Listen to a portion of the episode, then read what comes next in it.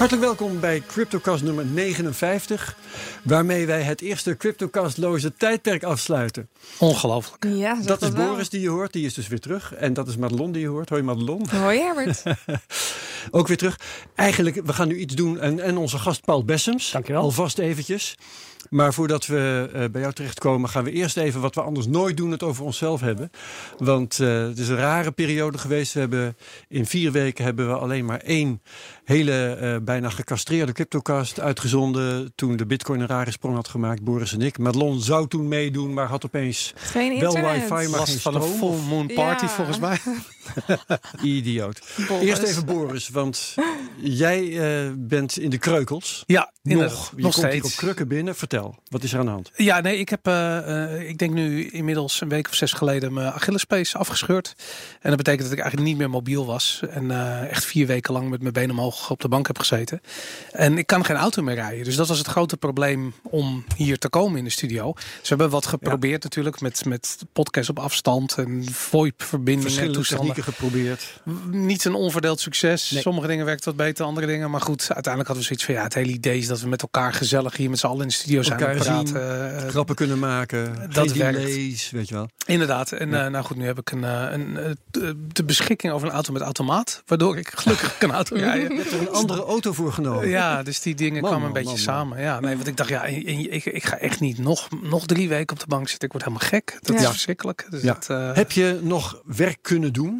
Of lag je daar weerloos en, en, en werkeloos? nou ja, ik kan wel wat doen. Eh, ik, ik bedoel, ik Want je heb hebt een bedrijf in gamingjournalistiek. Eh, daarom inderdaad. Dus dat, eh, maar ik zou op dit ogenblik, eigenlijk het stond ook in de planning, zou ik in Vietnam zijn voor een productie. Mijn collega's zijn daar wel. ja. Eh, en ik moet helaas thuis toekijken hoe dat Knarse tanden. Wat fantastisch het daar is. Ja, daarom inderdaad. Dus dat, eh, dat, is, dat is vervelend. Maar goed, niks aan te doen. Blij ik, dat je terug Ik ben er weer, ja. ja, hartstikke goed. Madelon, jij was op de Filipijnen. Ja, ik was eh, eerst op Barbados. Toen ben ik hier nog eventjes weer terug geweest in de studio. Daarna doorgevlogen naar de Filipijnen. Ja. En toen afgesloten in Thailand.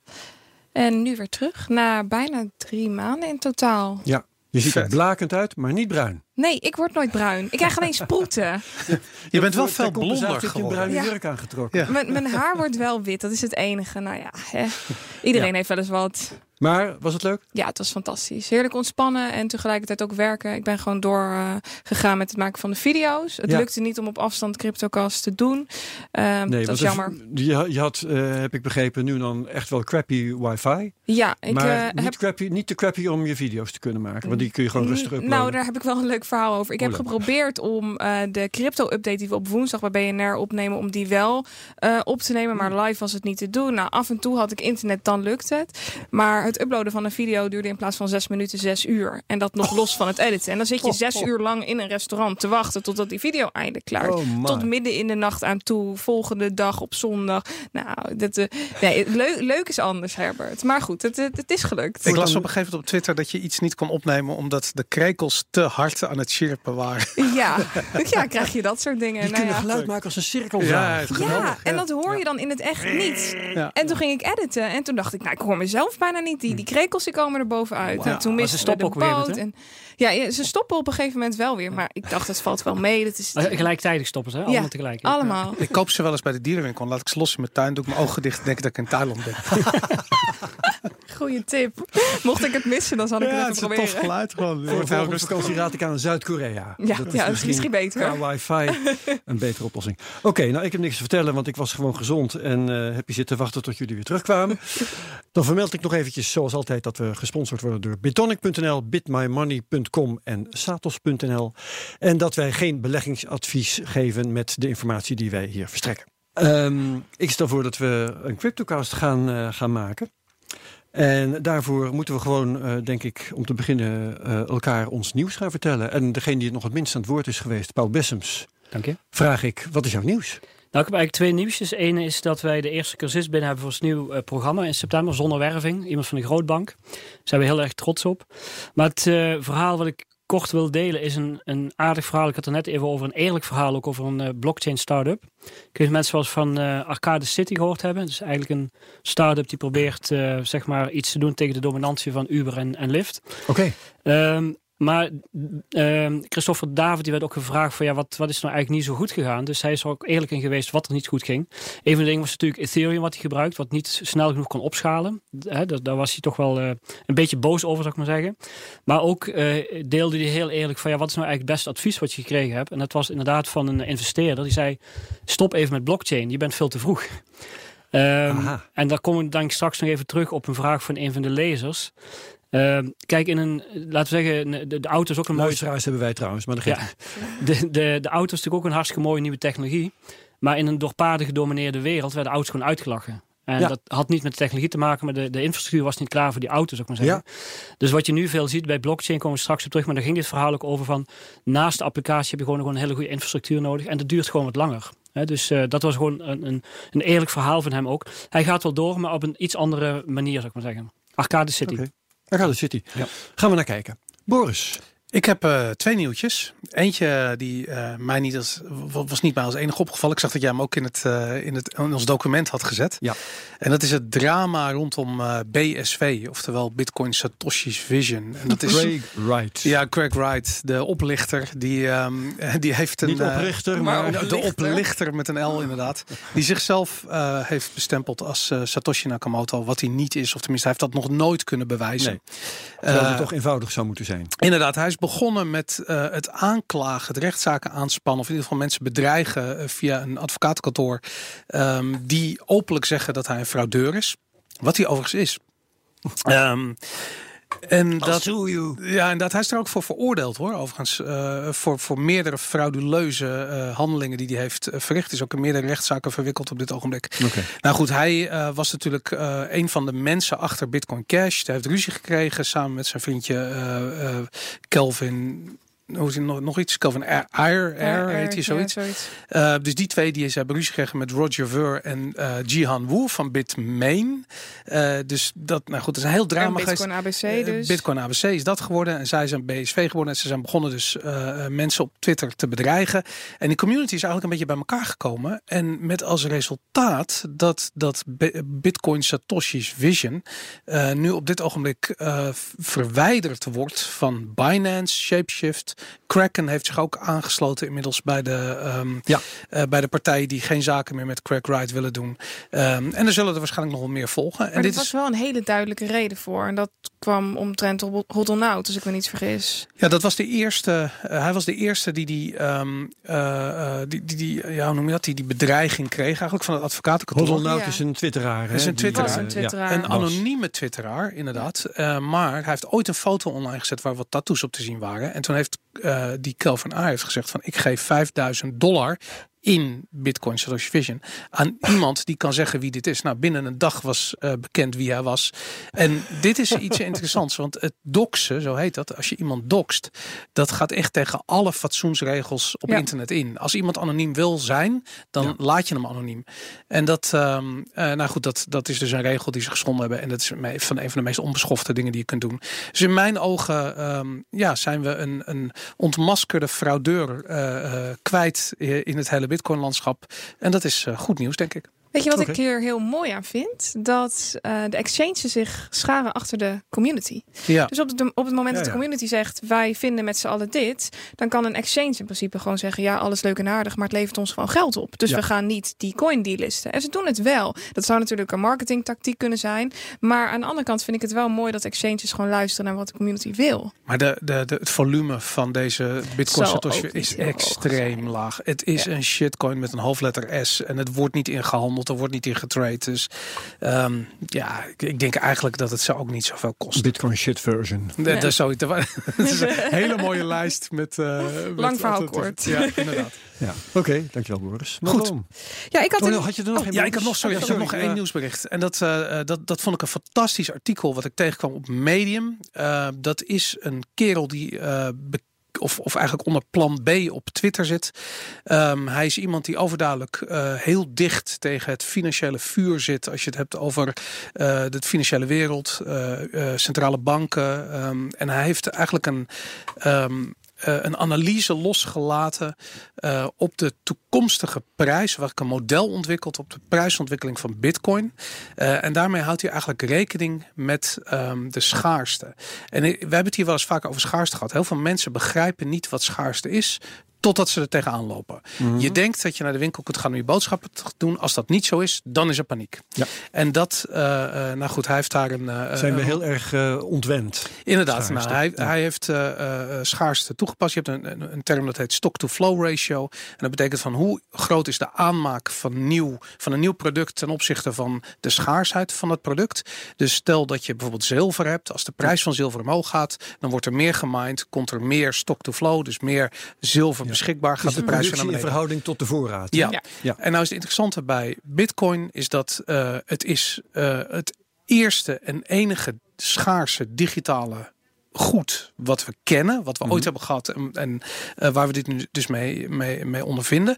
Um, als die stock-to-flow ratio uh, uh, op een gegeven moment stopt de aanmaak van nieuwe bitcoin, dus bij de halving in 2020 gaan we voor het eerst merken, of eigenlijk voor, voor de derde keer merken, wat een toegenomen schaarste voor effect gaat hebben op de prijs. Ja. Hij heeft daar een model voor losgelaten en dat is heel erg interessant.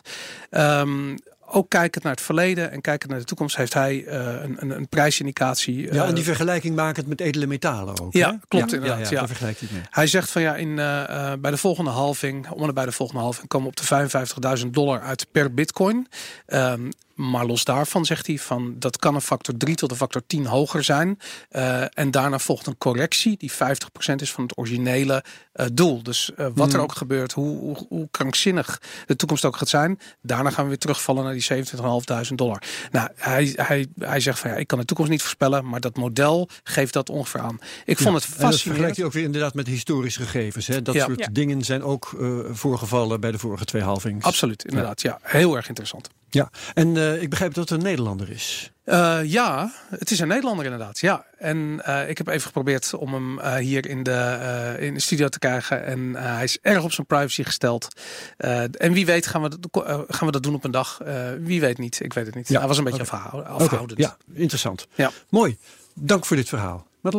Ja, ik heb een nieuwtje over de directeur van het IMF, Christine Lagarde. En zij deed afgelopen week een behoorlijk interessante uitspraak. En zij gaf aan dat crypto's een, mogelijk een systeemrisico vormen. En dit kwam op dezelfde dag naar buiten um, als wanneer als toen het IMF een tweet plaatste. En in die tweet vroegen zij: waarvan denk jij dat jij over uh, vijf jaar je lunch mee betaalt? Is dat met je bankpas? Of is dat met cryptocurrencies of whatever? Cash. Of met cash bijvoorbeeld. En daar kwam uit, er waren 40 stemmen, of 40.000 stemmen. En daar kwam uit dat meer dan de helft van alle mensen aangaf dat ze over vijf jaar hun lunch betalen met cryptocurrencies. Okay. En het IMF geeft dus aan, crypto's vormen een systeemrisico. En nog even vijf dagen later kondigt het IMF aan dat ze bezig zijn met hun eigen coin, genaamd de Learning Coin. De Learning Coin. De Learning Coin. Als een soort van loyalty program voor mensen binnen het IMF om te leren over cryptocurrencies. Ja, zoals de Nederlandse bank de DNB-coin hadden om van te leren. Precies. Zoiets. Ja, maar dan wel als loyalty program. Dus op het moment dat hun werknemers leren over cryptocurrencies of over blockchain, dan worden ze beloond in de Learning Coin. En ik vind dit heel erg interessant. Want het DNB en het AFM roepen al jaren: cryptocurrencies vormen geen systeemrisico. Want op het moment dat je gaat toegeven dat crypto's mogelijk een systeemrisico vormen, dan is toch de moet er toch paniek ontstaan. Want dan denk je, cryptocurrencies zijn mogelijk de toekomst. En de euro en de dollar is dat wellicht niet. Er wordt nu geknabbeld aan de mhm. fundamenten van de euro en de dollar. Toch roepen we dit al tijden, toch? We roepen dit al heel lang dat dit gaat komen. Wij en onze gasten hier. Wij wel. Ja, Maar het, een grote partij als het IMF of de DNB of het AFM, die doen dat niet. Maar kun je nog eventjes eh, voor mij ontwoorden brengen als uh, stel dat het zo is. Uh, het is of, of laten we zeggen, stel dat het IMF dit uh, vindt en zegt, wat ze dus mhm. inderdaad doen. Wat betekent dat dan? Wat, betekent, wat, wat, is een systeemrisico? Dat betekent, wat is het risico dan precies? Dat betekent dat op het moment dat crypto groter groeit, dat het de economie zou kunnen doen laten wankelen. Ja, in zijn huidige vorm. Maar wacht even, de economie wankelt al. Ik denk juist dat ja, veel maar mensen nog niet door crypto. En crypto zou dat dus tot gevolg kunnen maar dat is het, en dat doen zij steeds, het omdraaien van oorzaak en gevolg. als de economie wankelt, dan heeft dat te maken met de oneindige hoeveelheid aan euro's die worden easing. quantitative easing. Ja. Uh, die euro's die komen in dat systeem. Het zorgt voor inflatie, uh, gigantische uh, rallies in onroerend goed en in aandelenbeurzen. Ook in crypto natuurlijk. Maar dat, ook is, in crypto. dat is er al. Ja, behalve dat dat doet nu het systeem wankelen. En mensen zoeken veiligheid. dat is van waar die prijsstijgingen in, in onroerend goed en valuta en in crypto.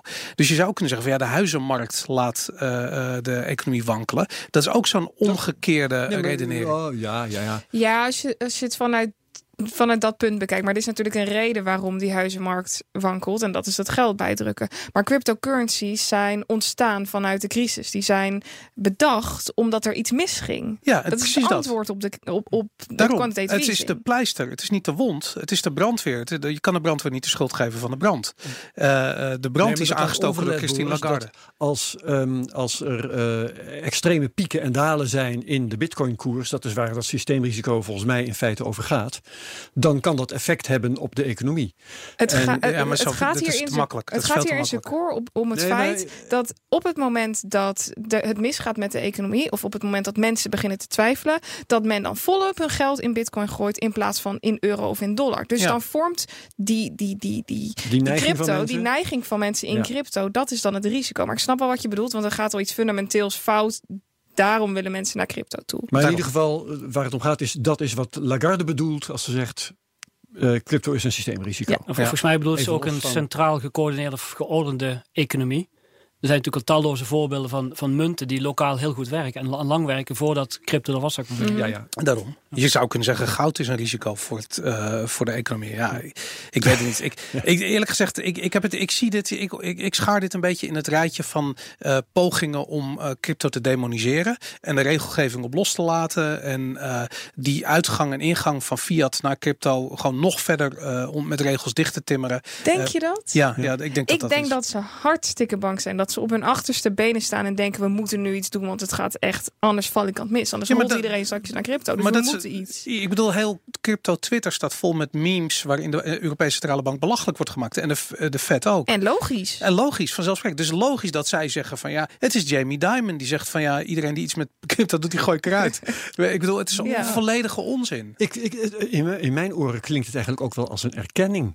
Misschien een mooi inzicht van. Uh, je bent pas uh, belangrijk als je een systeemrisico bent. Ja, maar wat ze zeggen en wat ze doen zijn twee dingen. Hè. Ik bedoel, het feit dat ze het zeggen is heel symbolisch. Wat ze dus zijn al jaren bezig met crypto. Dat vertelde Peter Hielkema hier ook van de Nederlandse Bank. Ja. Ze hebben alle research ja, gedaan. Ja, maar op wat voor manier?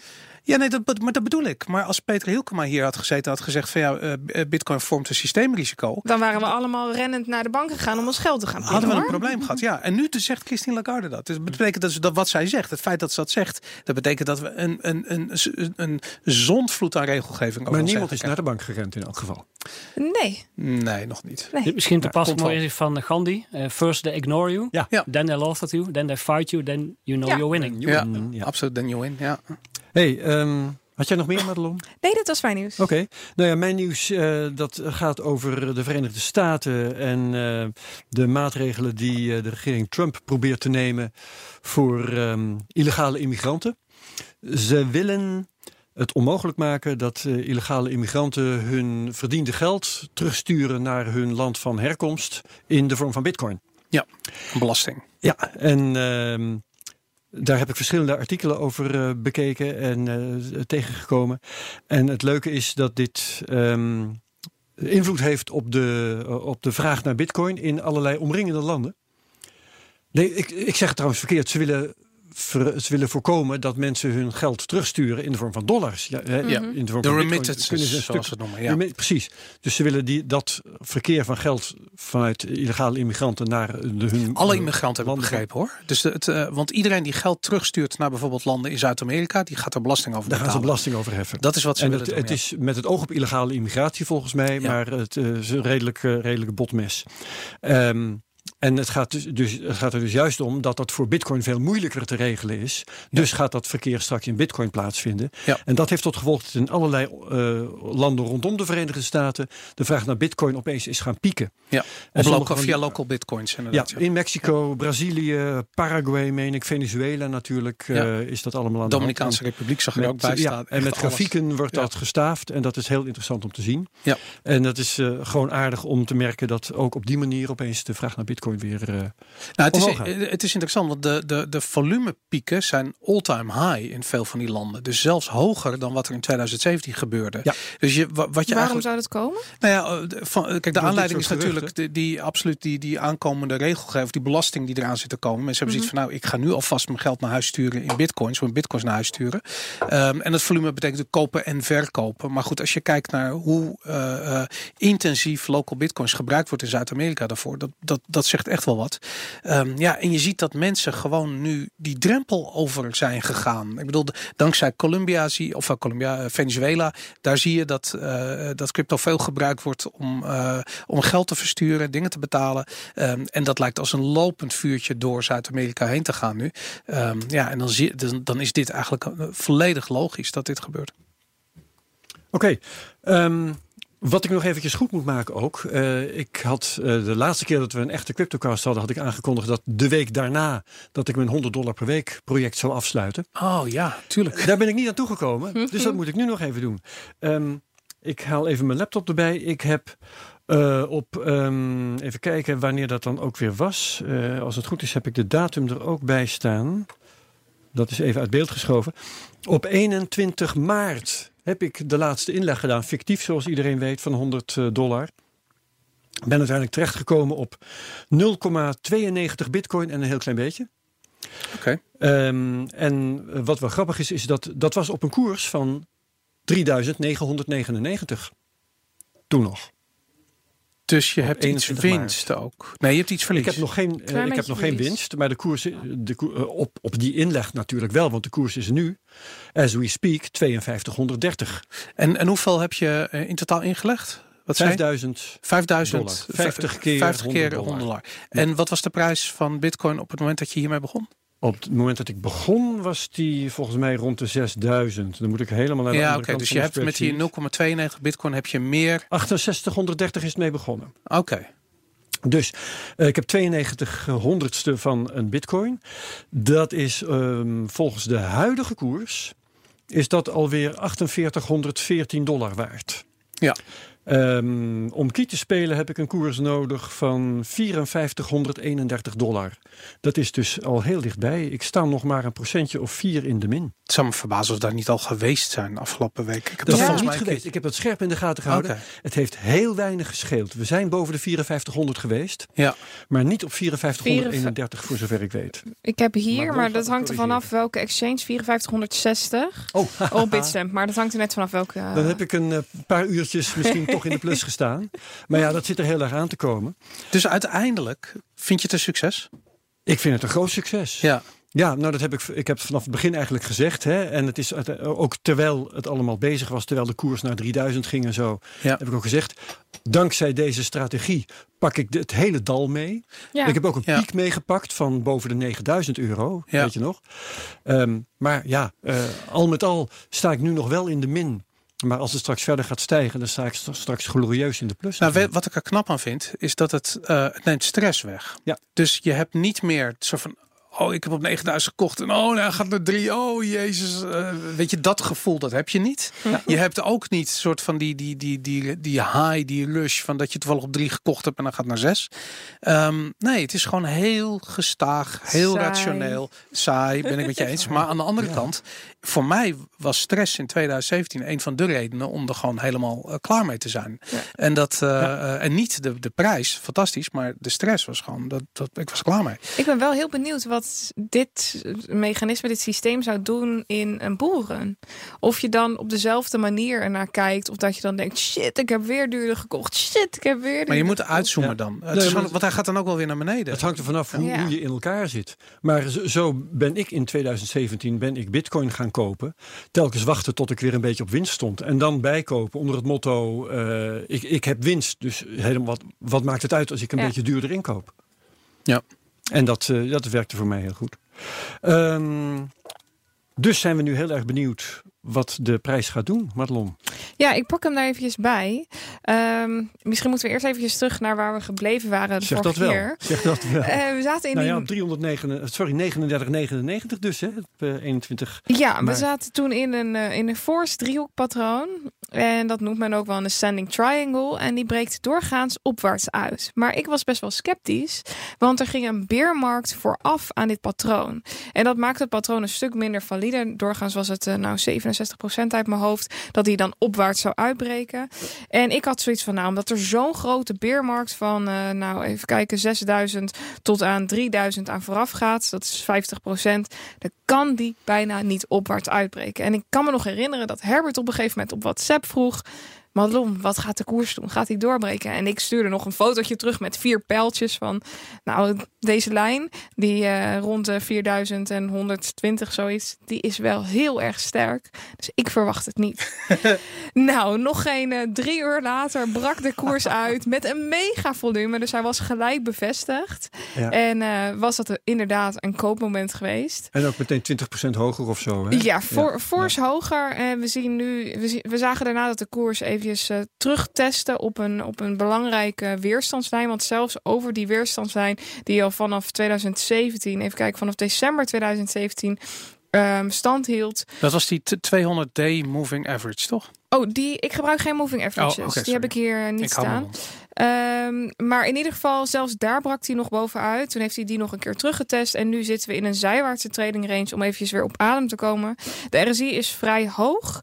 Uh, maar op dit moment uh, is de koers relatief stabiel. En is het lastig om een inschatting te maken waar de koers naartoe gaat. Omdat we in een zijwaartse trend zitten. Ja. En um, op dit moment kan ik er dus ook niet zo heel veel over kwijt. Behalve dat de meest belangrijke weerstandslijn op dit moment op, even kijken, 5280 ongeveer ligt. En de belangrijkste steunlijn rond de 5000 dollar. Ja, en, en wat... jij, jij uh, sorry Boris. Ja, nee, ik ben gewoon heel erg benieuwd. Want uh, het, het, het, lijkt het hetzelfde van, we krijgen zo'n klap naar boven, een klap naar beneden. Mm -hmm. En dan krijg je dat, dat Bart Simpson of dat Homer Simpson ding, mm -hmm. dat, dat haar, dat, er, er gebeurt eigenlijk niet zoveel. uh, en het lijkt dat we daar nu weer een beetje inzetten. Hoewel het sentiment volkomen positief is. Ik hoor ja. alleen maar positieve geluiden. 10.000 dit jaar nog. Bla, Daarom, bla, bla. het is ongelooflijk. Het lijkt alsof ja. iedereen uit de kast komt opeens en, en zegt van, ik zei het toch. Uh, Zie je wel, ja. Ja, inderdaad. Ik hoor John McAfee opeens weer langskomen. ja. Wat, hoe zie jij dat? Wat is dat sentiment in relatie met die prijs? Ik laat uh, het sentiment helemaal links liggen, om heel eerlijk te zijn. We hebben afgelopen periode zo ontzettend veel positieve berichten gehad en er gebeurde helemaal niks. De koers nee. ging alleen maar verder omlaag. En we zien nu weer heel veel positieve berichten. En ik heb het idee dat die, dat die koers helemaal niet echt samenhangt met die berichten op dit moment. We zagen in de bullrun dat iedere keer als er een belangrijk positief bericht kwam of een negatief bericht, dat gelijk de koers daarop reageerde. Nu zien we dat totaal niet zo terug in die koers. Ja. Dus ik, ik durf daar niet zo naar te kijken, om heel eerlijk te zijn. Ja. Doe jij dat wel? Uh, nou, ik, jij dingen aan koers? Voor, kijk, uh, ik ben niet zo heel erg bezig met die prijs. Voor Mhm. mijn hele gevoel zijn we te ver doorgeschoten naar beneden. Um, en is iedereen zich daar nu van bewust. En dat is denk ik wat er nu aan de hand is. En op wat dat voor de prijs betekent morgen weet ik niet. Wat het voor de prijs betekent volgend jaar weet ik wel. Namelijk dat we omhoog gaan. Zeker weten. Ja. En, en als je dan naar uh, Toon Feest kijkt, wat vind je daar dan van? Want ik die kijk zegt... niet meer naar Toon Feest. ik word allemaal gek van hem.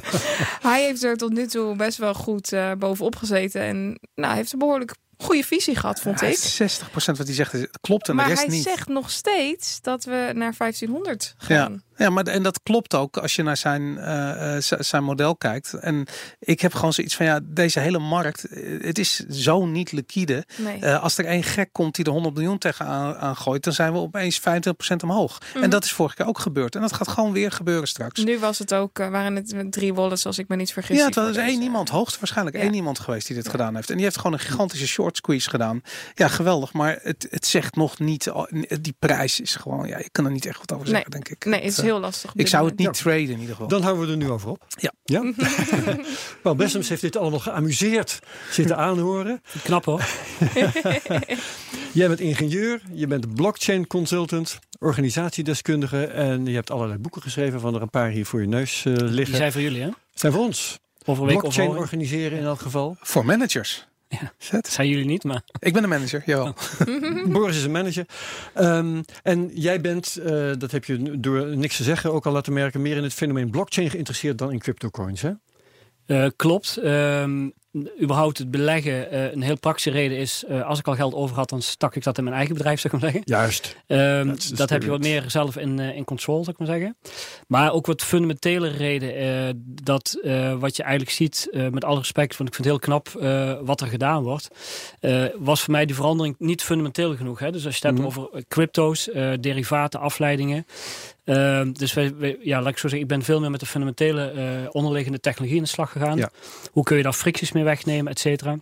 Daarnaast denk ik ook dat uh, we nog steeds in een wereld zitten dat mensen denken land, arbeid, kapitaal, dat is schaars. We hadden net over schaarste.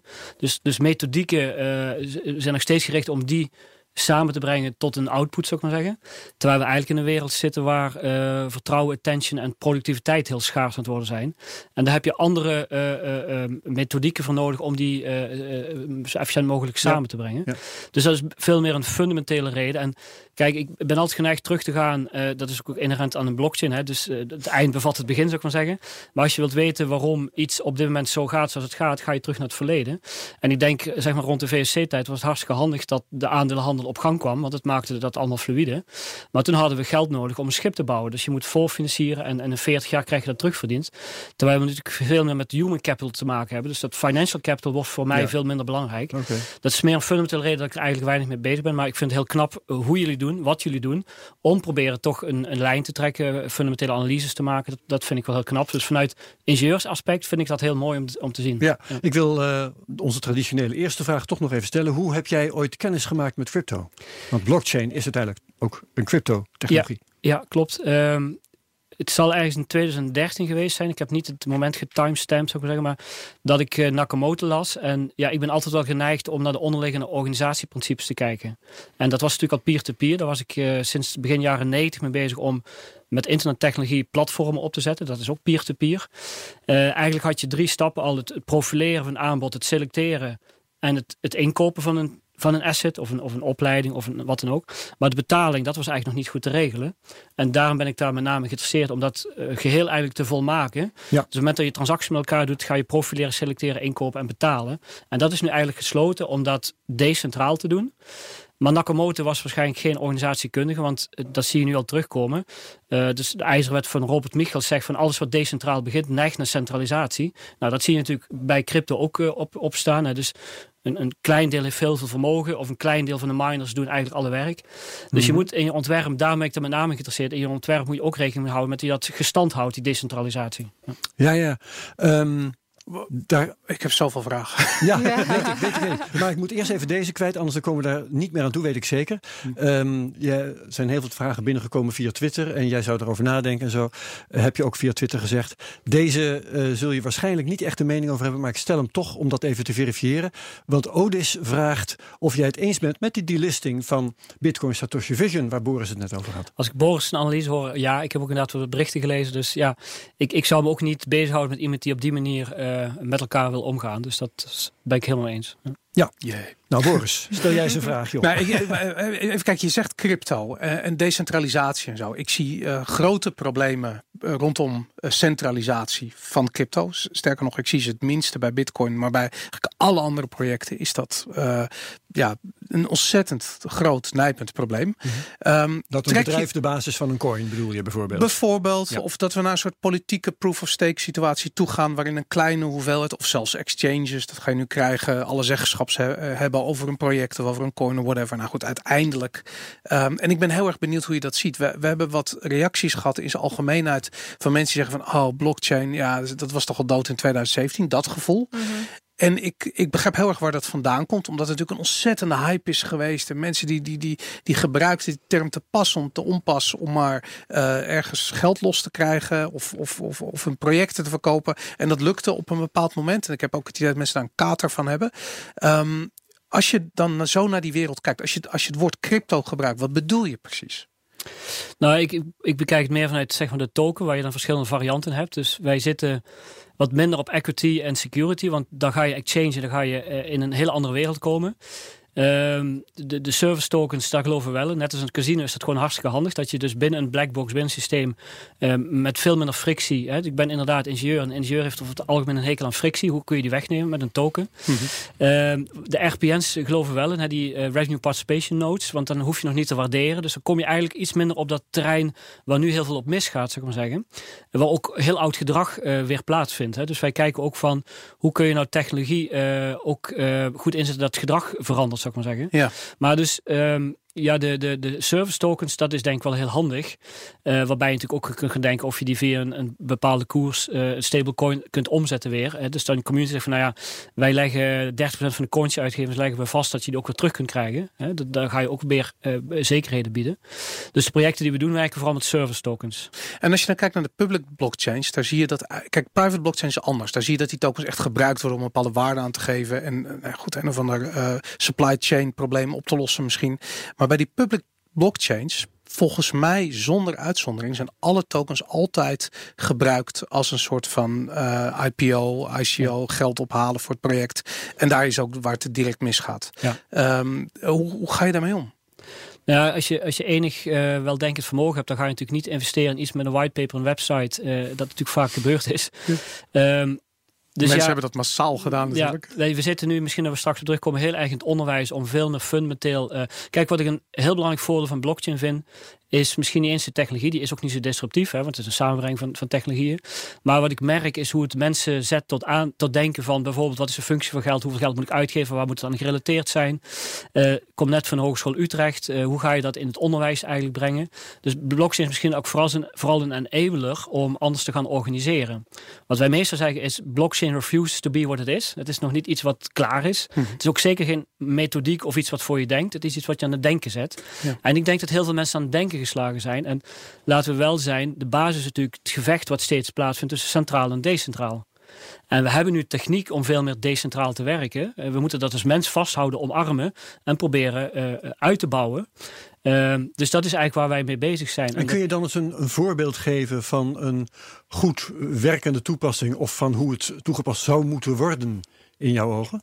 Nou, wat wij bijvoorbeeld altijd doen is uh, consortium, dus meerdere vragers en aanbieders bij elkaar brengen. Mhm. Eh, waarbij je nu moet constateren, als ik dan bijvoorbeeld het, het, het domein opleidingen neem, als jij een opleiding inkoopt, elk bedrijf heeft wel mee te maken, dan is bij elke opleiding heb je 40, 50 euro transactiekosten. Een inkooporder aanmaken, een factuur, een fiat currency, de pepermuntjes staan er niet op. Dus rondom die transacties zijn hele hoge kosten. Als je 10.000 opleidingen per jaar inkoopt, dat is 10.000 maal 40, 50 euro. Als je het op een blockchain organiseert, dan heb je dus één waardewisseling nog met het oude wereld. Je moet daar belasting betalen. Maar gedurende dat hele jaar, die 10.000 transacties zijn natuurlijk tegen veel lage transactiekosten mogelijk. Omdat je geen inkooporder meer hebt, geen boekhouding. Uh, dat is natuurlijk de, de, de, kracht van, van blockchain, is die gedeelde werkelijkheid creëren. Waardoor je dus ook uh, allerlei dingen niet meer nodig hebt. Zoals een, een, een, een, een jaarrekening of een due diligence of wat dan ook. Maar hoe ga je dat speculatieve aspect dan tegen? Wat er dan dus gaat ontstaan? Dan zit je dus inderdaad met de vraag, hoe ga jij organiseren dat die token uh, wel omgezet kan worden naar de reële wereld. En hoe ga je daarmee om? Uh, en dan misschien toch nog op korte termijn koppelen aan een euro of een dollar. Uh, om het makkelijk te houden. Want je hoeft dat nu nog niet te bewijzen. Hè? Dus dat, dat exchange kan. Uh, de, de volatiliteit en, en hoe een munt zich beweegt, dat, dat moet nog uitbewegen, zou ik maar zeggen. Dat is iets wat over de komende jaren gaat gebeuren. Nou ja, op zich zie je, kijk, je zou als organisatie kunnen zeggen van ik koop altijd je je token terug voor 1 euro. zeg maar wat. Dan heeft, zal die token altijd 1 euro hebben. Alleen wat je dan ziet in hun enthousiasme gaan dat soort organisaties volgens 100 miljoen tokens uh, creëren. Uh, en dan vrij snel wordt duidelijk dat, ze, dat dat, dat niet te dekken is. Nee, het moet een relatie hebben tot de omzet. Dus je kunt zeggen, nou ja, ik wil om fluide te zijn. Want het is een mean of exchange. Het is een hulpmiddel. Laten we het niet vergeten. Mm -hmm. uh, het is een beetje raar dat daar zoveel aandacht gegeven wordt aan geld, zou ik maar zeggen. Want het is een hulpmiddel om een ruiltransactie tot stand te brengen. maar je moet, het moet zich ergens toe verhouden. Hè? Dus je kunt zeggen, nou ja, vijf keer de omzet in je community, dat wil ik aan geld hebben om het, om het fluide te houden. Ja. En zijn we het over eens? Ja, oké, dan gaan we dat uitvoeren. En als het blijkt niet zo te zijn, uh, dan gaan we dat misschien verruimen of in, inkorten. Even terug naar wat je net zei. Waarom vind je het raar dat er zoveel aandacht wordt gegeven aan geld? Omdat het een, een, een ruilmiddel is, een mean of exchange. Het heeft natuurlijk nog twee andere functies. Maar je kunt een ruiltransactie ook op een andere manier tot, tot stand brengen zonder geld, zou ik maar zeggen. Dus een van de mooiste dingen van blockchain vind ik is dat je ook uh, waardetransacties kunt laten plaatsvinden zonder geld. Ja, nou ergens komt die waarde natuurlijk vandaan. Ja, maar ik, ik, ik, kan uh, met jou ruilen. Jij doet bij mij de belastingaangifte, ik doe bij jou de tuin. Ja, nee, dus- dat snap ik. Dat, is, dat is natuurlijk de basis wat het is. Maar wat ik interessant vind, als je kijkt naar die. Uh, ik denk dat heel veel mensen in reactie op eigenlijk die negativiteit na 2017. Mm -hmm. zoiets hadden van ja, het, het, het speculatieve aspect van al die tokens en al die ICO's. Dat is eigenlijk wat dat hele ecosysteem schaadt. Laten we dat weghalen of in ieder geval bestempelen als iets wat onwenselijk is. Um, ik heb juist zoiets van waarom niet gewoon Bitcoin gebruiken? Want het is uh, uiteindelijk uh, uh, toch de meest veilige blockchain. de meest decentrale. Ik zeg niet dat hij 100% decentraal is, maar in ieder geval de meest decentrale. Um, en ik, ik, ik merk bij, vaak bij het woord blockchain dat het tegenwoordig is het al. Op het moment dat je blockchain zegt, zeg je dus uitdrukkelijk niet Bitcoin. En dat. Ja. Nee, maar kijk, wat, uh, onderdeel van blockchain technologie vinden wij ook al zero knowledge proof bijvoorbeeld. Hè, of het gebruiken van, van encryptie. Dus er is nog niet gedefinieerd wat wat blockchain wel of niet is. Ja. Ehm, dus ja, inderdaad, je kunt zeggen, uh, Bitcoin is een toepassing van blockchain, maar het is ook het begin van blockchain. Maar blockchain is ook niet begonnen. Dat is een optelsom van een aantal technologieën die er al lang waren. Ja. En dat is altijd zo. Uh, je bouwt voort op wat je weet. En ik denk dat we wel in het stadium zitten dat we dit soort dingen moeten gaan ontdekken. En ik, ik ben ook een believer van, van Bitcoin, Bitcoin-technologie. Uh, maar ja, niet in elke toepassing. Dus maar goed, dan krijg je die lagen eromheen. Wat zegt, nou ja, die applicatie is voor deze toepassing veel beter geschikt. Wat voor toepassing zou jij Bitcoin optimaal zien werken? Uh, ja, nu nog niet denk voor betalingsverkeer, omdat het misschien te lang duurt voordat het gesetteld is. Mm -hmm. maar wel voor dingen vanaf te leiden. Hè. Dus je hebt gewoon een, een hele gedegen uh, infrastructuur, zou ik maar zeggen, een, een, een, een, protocol. Daar kun je op voortbouwen. Dus ik vind het vooral een fundament. Bitcoin als basis en ja. daarbovenop allerlei verschillende toepassingen. Ja. En, en als jij zegt dat blockchain een leidende technologie kan zijn voor digitale transformatie. Dat soort bewoordingen vind ik op, jou, op jouw website. Uh, denk je dan aan de blockchain van Bitcoin? Of denk je dan aan, wat dat, dat soort vragen krijgen we ook dan via Twitter. Of denk je aan uh, apart gebouwde private blockchains die dan weer in handen zijn van deze of gene? Ja, ja wij geloven vooral in hybride vormen. Dat zou je niet verbazen. Maar als je kijkt naar internet, hè, je hebt internet is open, intranet is gesloten en, en je hebt internet met login. Uh, het moet passen bij de, bij de situatie, zou ik maar zeggen. Um, maar wat je volgens mij uiteindelijk krijgt, een blockchain is natuurlijk um, een, een, basis om naar een gedeelde werkelijkheid te gaan. Dus we hebben het over rijke data. Op het moment dat ja. wij hetzelfde zien, dan hebben we heel veel dingen niet meer nodig. Maar een basis van een transactie is een A en een B. He, als ik jou iets verkoop, dan moet mijn ledger en jouw ledger hetzelfde zijn. En weet je wat, we leggen dat bij jullie ook vast. Want als ik hem delete, dan is mijn woord tegen jouw woord. Jij roept de andere op. Dus wij cre creëren een gedeelde werkelijkheid. Dus een basis ligt, uh, die journaalposten ligt bij een A en een B en nog een aantal mensen. Dat is gewoon data vastleggen.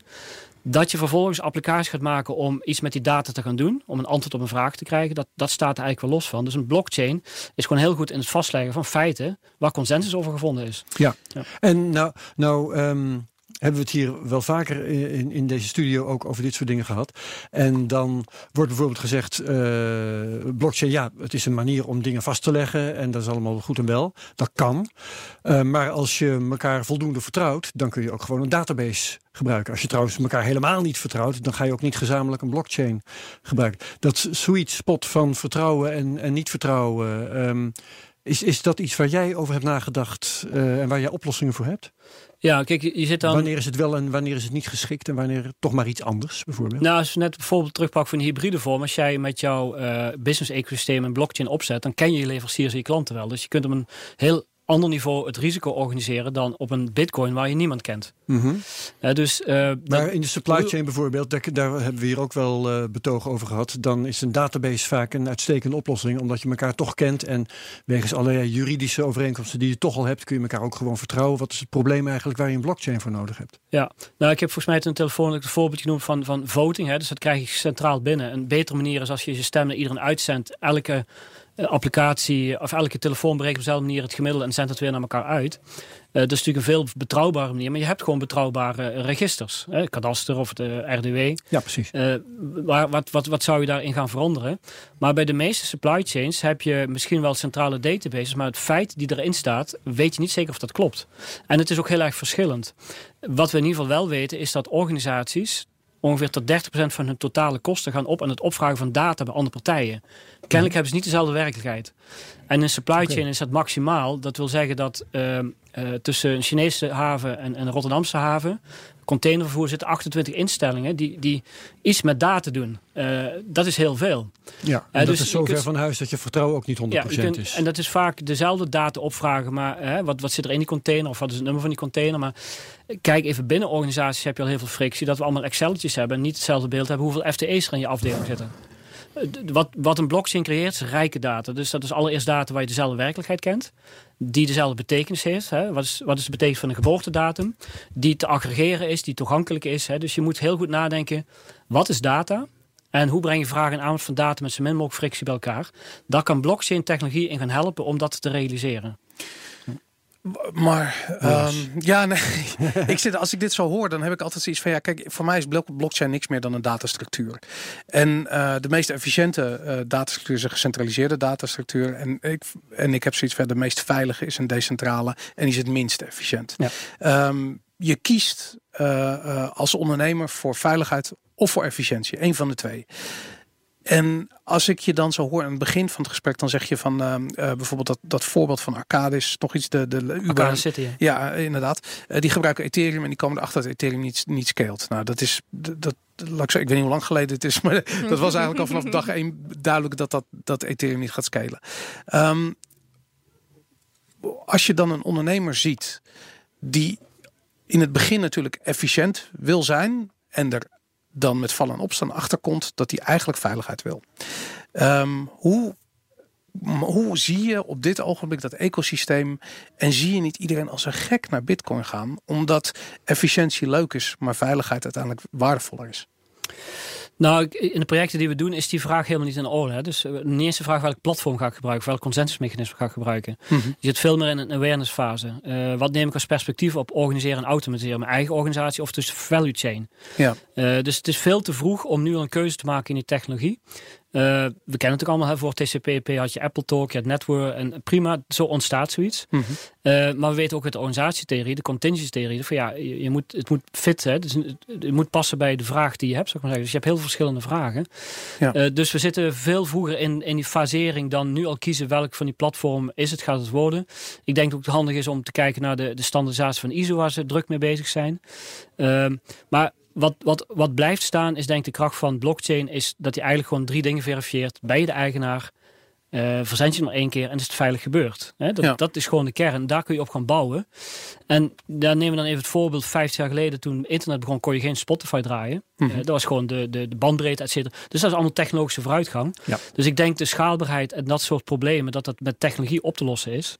Uh, gebouwd op een protocol natuurlijk. Ja, ja, ja. maar zie je dan niet bijvoorbeeld één centraal protocol op een gegeven moment dominant worden ten opzichte van de andere? Waar we nu nog in een wereld zitten waarin je duizend, of wat zeg ik, tienduizend verschillende protocollen eigenlijk hebt die met elkaar aan het concurreren zijn? Nee, want als je kijkt naar, eh, wij, wij proberen altijd dat naar de reële wereld te brengen. Dus als je kijkt naar de verschillende consensusmechanismes, zie je in de reële wereld, sommige dingen kun je best met een referendum doen. Maar de brexit zou ik niet met een referendum doen. Nee. uh, maar kies of je een eikenboom of een kastanjeboom in het wijk wil, kun je best met een referendum doen. Dus de consensusmechanismes die zijn natuurlijk ook een afspiegeling van de manier waarop we nu tot een besluit komen. Ja. Uh, het enige verschil is dat het uh, digitaal is geworden. Dat je aan je identity et cetera moet gaan kijken. Dus ik denk dat we heel goed aan het nadenken zijn hoe, hoe we met die technologie dingen kunnen gaan omvormen.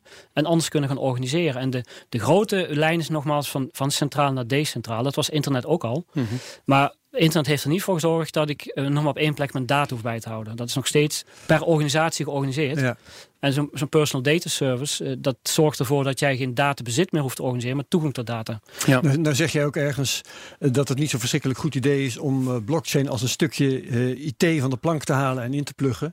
Hè. Over dat soort dingen hebben we het tot nu toe in dit gesprek eigenlijk wel. Hè. We noemen nou eens een leuke toepassing van blockchain en zo.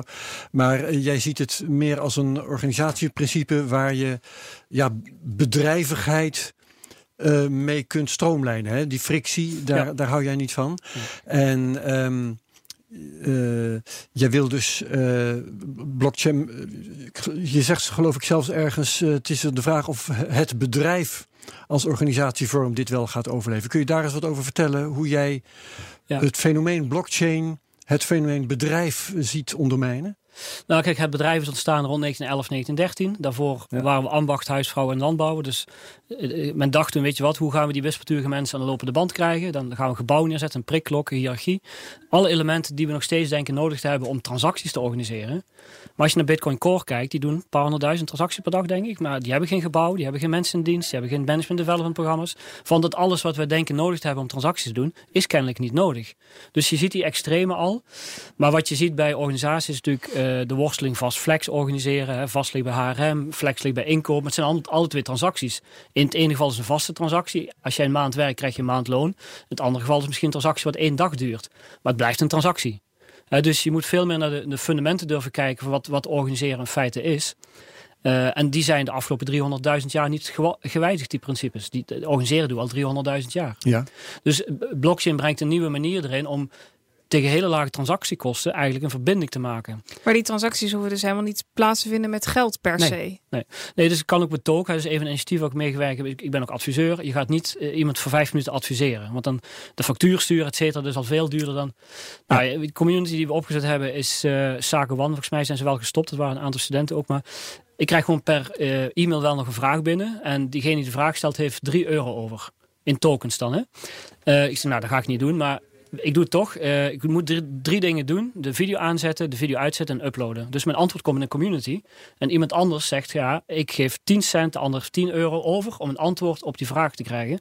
Het al met al krijg ik voor 5 minuten werk 30 euro aan tokens binnen. Zonder inkooporder, zonder factuur, zonder fiat currency. Ik krijg tokens binnen. Dit gebeurt werkelijk? Ja. Ja. Dus je, krijgt, je kunt naar micropayments... En de waarheid is dan dus ook vastgelegd, ja, omdat het in de blockchain nee, het belangrijkste is, je kunt naar micropayments toe.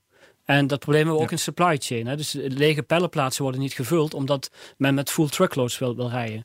De pellenplaats wordt niet gevuld omdat men niet op de markt wil prijsgeven dat men pellenplaats heeft over. Maar op een blockchain kun je dat anoniem aanbieden. Pas als de transactie tot stand komt, weet A en B van elkaar wie het zijn.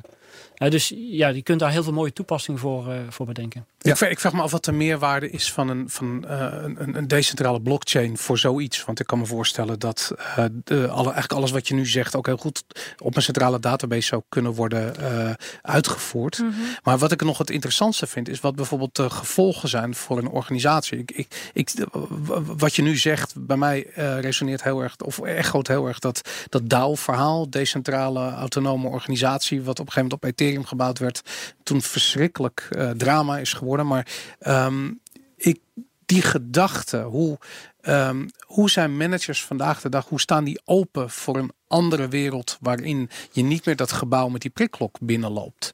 Ja. Nou, dat, dat, komen we dagelijks tegen in projecten. Dus je hebt, je hebt heel veel weerstanden tegen het digitale transformatie of digitaliseren is al snel. Je bedoelde net ook, hè, met, het is geen software kopen, maar als je mensen vraagt van, zijn jullie bezig met digitale transformatie? Ja. En dan ga ik doorvragen, wat doen jullie dan? Ja, we zijn de bonnetjes aan het scannen. Maar dat is oh ja. een mediumverandering. Wat vroeger papier gaat nu de computer. De processen, die veranderen dus niet. Ja.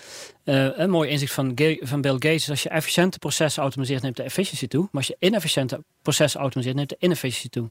dus je moet eerst naar processen gaan kijken in de value chain. Dus niet meer jezelf als perspectief nemen, maar de value chain. En dan ga... in, als ik even mag onderbreken, het inscannen van bonnetjes, is dat niet toch een, een zinvolle eerste stap om in de gaten te krijgen hoe het nog veel beter kan? Ja, maar als je dan hoopt dat je er dan bent, dan, dan ga je... Nee, hè? dat is duidelijk, ja. En als je de, de investeringsbeslissing kunt maken, dan zou ik zeggen, sla die slag dan over, zou ik maar zeggen. Want wat is een bonnetje, wat is een factuur, wat is een invoice of, of een inkooporder? Een contract is niks anders dan een transport- en opslagmiddel van data. Dus waar wij naartoe gaan, en dan kom je op richting die frictie wegnemen, is je kunt server A een vraag stellen aan server B en een antwoord terugkrijgen. Dat zijn ook twee transacties. Denk ook even aan het project van Erma van Radboud. Dus je hebt een pasje met een, met een chipje op en dat leg je op een apparaat en het wordt groen of geel. Of groen of rood. Rood is 18 jaar of jonger en groen is... Ja. Dus bij de winkel kun je die gebruiken. Dat is uh, niet identificatie, maar wel aantonen dat je aan een voorwaarde ja. voldoet. Dus die twee ja. transacties kun je zeggen, nou weet je wat, het feit sla ik op één database op centraal. Dat is, dat is een hele goede keuze. Maar misschien is er een overweging zeggen, nou, A wil hem opslaan, B wil hem opslaan en misschien nog vier, vijf andere plekken, omdat je vanuit backup overwegen of wat dan ook. Dus ik denk die vraag Hè, dus het, het, protocol is al centraal. En of jij de attributen op meerdere plekken vastlegt, dat, dat heeft een andere uh, vraag. En ook dus een ander, ander antwoord, zou ik maar zeggen. Dus dan kun je zeggen, is daar nog een blockchain? Ja, misschien niet. Maar je gebruikt wel onderdelen van blockchain technologie. Ja. Uh, maar waar wij naartoe gaan is zeg maar de digitale lopende band. Hè, dus dat gaat hetzelfde teweeg brengen als de fysieke lopende band in fabrieken. Ook dan kun je weer terug naar wat gebeurde rond 1911, 1913. Uh, was in staat om de prijs van een T-Ford met 300, van, van 1000 naar 300 dollar. Hè. Dus in 10 jaar tijd was die T-Ford 700 dollar goedkoper. Puur door frictie weg te nemen. Dus ambachten werd uit elkaar geschakeld door een lopende band. Uh, mede dankzij Taylor. Taylor zei, ja, wat is nou uh, een, een, taak en onder welke omstandigheden vindt die taak optimaal plaats? Als je dat doortrekt naar kantoren, wat is een transactie? En onder welke omstandigheden vindt die transactie plaats? Als je daar overeenstemming over hebt, dan kun je het gewoon automatisch laten uitvoeren. En dan krijg je dus een soort digitale lopende band die heel veel frictie binnen en tussen kantoren gaat wegnemen. Ja. En dan gebruik ik onderdelen van blockchain technologie, zou ik maar zeggen. En hoe reageren managers erop die bij jou een cursus volgen over het algemeen? Wat, wat, waar, waar lopen ze tegenaan? Wat zijn hun grootste obstakels? Oud denken. Oké. dus we beginnen met uh, oud denken. Dus hoe, hoe, laat je conditionering los? En ik gebruik altijd het voorbeeld van Dustin Sadler, die meneer die fiets heeft laten maken met een twee tandwieltjes. Je fiets naar links, het gaat hij naar rechts. Ja. Oh ja. Dat geeft aan dat je geconditioneerd bent. Dus je, je we, denken en doen op basis van reflexen. Uh, ja, dat duurt gewoon even voordat je die oude reflexen eruit hebt. Ja, ja briljant. Ik wil even naar een, een, vraag eh, die binnen is gekomen via Twitter. Een hele uitgebreide vraag van Patrick. Die waarschijnlijk Smit heet, want de handle is pjsmit79. Uh, die begint met uh, de adoptie van blockchain is voor de doorsnee en alle Nederlander nog een grote ver van mijn bedshow. Hij had vier tweets nodig voor deze vraag. Hij stapt naar de supply chain voorbeelden. die zeggen IBM en de Maersk, het vervoersvoorbeeld, waar IBM ook een blockchain heeft ingevoerd. En eindigt met uiteindelijk de echte vraag: hoe zie jij de echte adoptie tot stand komen? Zijn bedrijven nu niet veel te hard op zoek naar real-life huistuin- en keukentoepassingen in plaats van het decentraliseren van workflows, wat jij nu eigenlijk net aangaf dat, uh, dat de bedoeling is? Dus hoe zie jij bedrijven hier uiteindelijk op terechtkomen? Ja, nou, dus een goede vraag hadden we ook al teruggestuurd. Maar ja. kijk, wat veel bedrijven denken meteen de businessmodellen. Wat, wat levert mij het volgend jaar op? Return on investment. Terwijl ja. we veel meer denken vanuit leermodellen. Het is totaal wat anders. Uh, gelukkig kwam er vorige week een groot rapport van Corn Ferry uit, uh, het moederbedrijf van Hey. Uh, die constateert eigenlijk dat 70% van de boards niet klaar zijn voor digitale transformatie. De beleggers zeggen van ja, we kijken liever naar of ze fit for the future zijn dan de resultaten van de afgelopen drie jaar. Dus wij vinden fit for the future veel belangrijker. En we zijn bereid om hun meer ruimte te geven in geld en tijd om aan die transformatie te gaan werken. Dus dat is heel positief om niet meer alleen op korte termijn bezig te zijn. Uh, dus ja, de, de adoptie uh, internet, de eerste helft van internet was, was e-mail. En, en tussen techniek en daar werd gewoon arm zit ongeveer 23 jaar tussen. Dus daar moet je een beetje aan denken. En goede technologie die zie je ook niet. Maar als je het voorbeeld neemt van TradeLens, ja, ik zou niet beginnen met een sector waar heel veel gevoeligheden liggen. Ik zou niet zo groot beginnen. Je gaf terecht ook een vraag van, uh, moet je niet met kleine stappen beginnen? Ja, je moet met kleine stappen beginnen, maar je kunt ook greenfield met kleine stappen beginnen. Dus greenfield wil zeggen dat je buiten de bestaande organisaties opnieuw gaat organiseren op basis mm -hmm. van die nieuwe technologie. En dat kun je met kleine stapjes doen. Uh, dus wij beginnen nooit met een heel groot bedrijf met heel hoog afbreukrisico om dat op een blockchain te zetten. Want de meeste projecten mislukken. omdat verzekeringsmaatschappijen. Ja, blockchain wordt ingezet voor iets wat niet voor bedoeld is. Ja, dat logisch dat ze ja. mislukken. Dat, die moeten wel mislukken. Het had me ja. verbaasd als ze gelukt waren. Ja.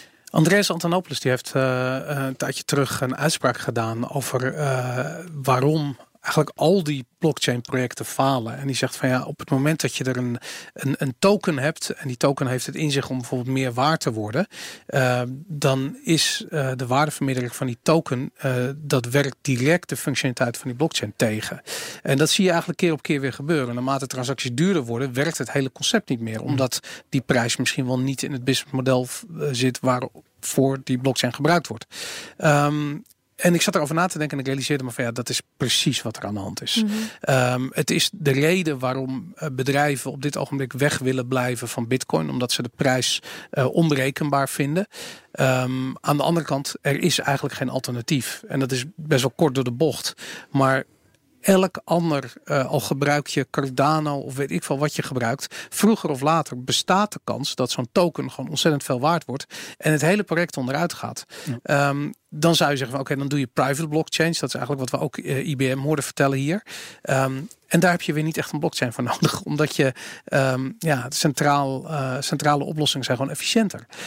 En Binnen een bedrijf, hè? Binnen, binnen, ja. ja. binnen bedrijven, binnen samenwerking van bedrijven. Als je elkaar niet volledig wantrouwt, want dan zou je kunnen zeggen, dan, dan is veiligheid weer meer waard en zou je kunnen nadenken over die eventuele uh, uh, kostenrisico.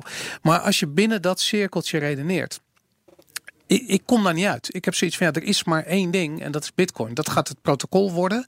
En bedrijven moeten, moeten uh, eigenlijk hun, ja, hun, hun, hun werkwijze aanpassen aan het feit dat die, dat, die, dat die bitcoins of die satoshis dat die meer waard kunnen worden. Dat moet passen binnen dat blockchain model. Met andere woorden, wat je bij Veriblock ziet, dat is eigenlijk een soort extra laag op bitcoin waar uh, informatie op de bitcoin blockchain wordt vastgelegd. Nou, een toepassing die uh, eigenlijk helemaal past binnen wat je net omschrijft, maar wat zo meteen uit de markt geduwd gaat worden, omdat die uh, on-chain transacties gewoon veel en veel te duur worden voor zoiets als Veriblock. Mm -hmm.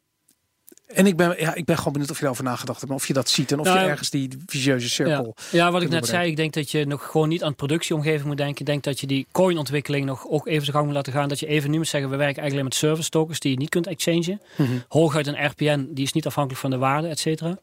Uh, dus, dus ga het veel meer als een leermodel zien dan een businessmodel. Uh, businessmodel is natuurlijk ook een verkeerde naam. Busy, bezig zijn, uh, daar is van afgeleid. uh, is oud-Engels voor bezig zijn. Dus ja, we moeten, we moeten gewoon denk ik nu de kans pakken om, om wat fundamenteler te kijken naar de manier waarop je vertrouwen, werk en economie organiseert. Die kans hebben we nu. Die moeten we pakken. Maar dat is niet een korte termijn iets. Daar gaan één of twee generaties overheen. Ja. Net, als Ford, net als Ford niet meteen succesvol was. Wij denken, ja, logisch, die lopende band. Maar Karel ja. Benz kon zich daar helemaal niks bij voorstellen. Die denkt, ja, idioot, die lopende band. Dat ga je toch niet doen? Auto, die maak je ambachtelijk. Ken je het voorbeeld van uh, de Stadjespas uit Groningen? Hoe kijk je daar tegenaan? Het is een, uh, een project die opgezet is door Rutger, als ik me niet vergis, Rutger van Zuidam. En um, zij hebben twee bitcoin gebruikt om een mini-ecosysteem te creëren. Waarin um, gezinnen die het net even iets minder hebben, naar het zwembad kunnen in ruil voor tokens. En dan kunnen ze met korting naar het zwembad of naar uh, Ballorig of weet ik veel. iets leuks doen met het gezin. En dat vind ik een heel mooi voorbeeld, want je, ze gebruiken bitcoin. En die bitcoin heeft een bepaalde waarde of een bepaald kortingspercentage. Maar die vertegenwoordigt niet de reële waarde die die twee bitcoins dan zouden vertegenwoordigen in onze bitcoin. Wie betaalt dan het verschil? Hoe bedoel je, wie betaalt het verschil? Er zijn gewoon twee bitcoins in die hele economie gegooid. En ze hebben gewoon gezegd... Supply. Precies, dit is de waarde van zoveel Satoshi. En als bitcoin dan een miljoen per stuk is? Dan alsnog is het binnen hun mini-ecosysteem dat niemand waard. wil zijn twee bitcoin terug. Hoe bedoel je? Nou kijk, iemand heeft daarin geïnvesteerd. Dat is de gemeente geweest. Oh, de gemeente heeft gedaan. Oké. dus hoe, hoe kijk je daar tegenaan? Want Boris die begint. Ja, volgens mij hebben ze ook al eens een keer bitcoins geconfiskeerd, maar die moesten dezelfde dag weer uitbetalen, zou ik maar zeggen. Ze mogen niet gaan speculeren. En dat was toen in de tijd dat die enorm hoog schoot. Maar mhm. ja, inderdaad, dit is denk ik een goed idee dat je zegt, nou, ik, ik geloof heilig in het protocol. Uh, dat is Bitcoin gebruiken, Bitcoin Core gebruiken we altijd als beginpunt, als referentie. Ja. Dus met die zeg maar drie kerneigenschappen, eigenlijk vier. Ja, en, en daaromheen bouwen, dat gaat er gebeuren. Maar wat je niet moet doen, is beginnen met een applicatie te bouwen, terwijl je niet naar de infrastructuur gaat kijken. Uh, en ik denk Rutger even de eerste was die dat ook inziet. Die is nu heel veel met data commons et cetera bezig. Dus mhm. je moet echt naar een data common toe gaan. Wil, wil die blockchain, die applicaties daarop, die wallets daarop op gaan werken, zou ik maar zeggen. En dit specifieke voorbeeld, hoe, hoe, kijk je daar dan tegenaan? Denk je dat het succesvol kan zijn, of ook voor andere toepassingen? Ja, ik denk dat ze er heel veel van geleerd hebben. Dus dan is het al succesvol. En uh, of die mensen, uh, dat voorbeeld wat in, in hoe heet het, in, wat ik net noemde bij bij die uh, Uber leeft uh, alternatief, die, die de taxichauffeurs zeggen ja, wij willen gewoon dat het eerlijk gebeurt. Welke technologie er gebruikt is niet, is niet aan de orde. Maar mhm. Uber is niet eerlijk, want wij worden gewoon onder druk gezet, et cetera. Dus de technologie moet ook eigenlijk onzichtbaar zijn. Ja. We moeten langzamerhand afronden. Uh, ik ben wel benieuwd. Ik kom net uit een opname voor een andere podcast. Uh, waarin het adagium weer eens voorbij kwam. dat elk bedrijf in dit, deze tijd een softwarebedrijf moet zijn. Databedrijf. Ja. ja um, ben jij van de overtuiging dat uh, elk bedrijf vroeg of laat een blockchain bedrijf wordt? Of is dat uh, nee. de plank mis? Nee, ik denk wel um, een, een, databedrijf. Uh, die kom ik veel tegen. zelfs transporteurs die zeggen, nou het gaat niet om de warehouse vrachters, maar de data eruit. Ja. maar dat geeft wel aan dat we een, naar een perspectief veranderen gaan. En dat vind ik al een gewin. Hè? Dus dat we anders gaan kijken tegen arbeid, kapitaal, land. Dat waren de dingen die we gingen organiseren vroeger. Ja. En nu staat trust, work en economy. En dat je daar, of trust and attention eigenlijk. Uh, daar, daar ga je andere, anders mee om. Uh, vanuit organisatorisch oogpunt ga je er anders mee om. En dat is al een gewin, zou ik maar zeggen. En of je het nou blockchain noemt, of, dat vind ik wat minder relevant. Ja. ja. Nog een slotvraag van een van de collega's? Nee. Ik heb geen vragen. Oké. Dankjewel voor je betoog, eh, Paul Bessems. Dank je. Organisatiedeskundig enzovoorts. Ik heb het net allemaal opgesomd. Bedankt, eh, Boris van der Ven, dat je er weer was. Ja, superleuk. ik vond het weer tof. We zijn weer begonnen. Yes. Bedankt, Madelon, dat je, er weer was. Dank je, Herbert. Ja. En eh, luisteraars, bedankt dat jullie er weer waren. En volgende week zijn wij er weer en jullie hopelijk ook. Dus tot dan. Nou.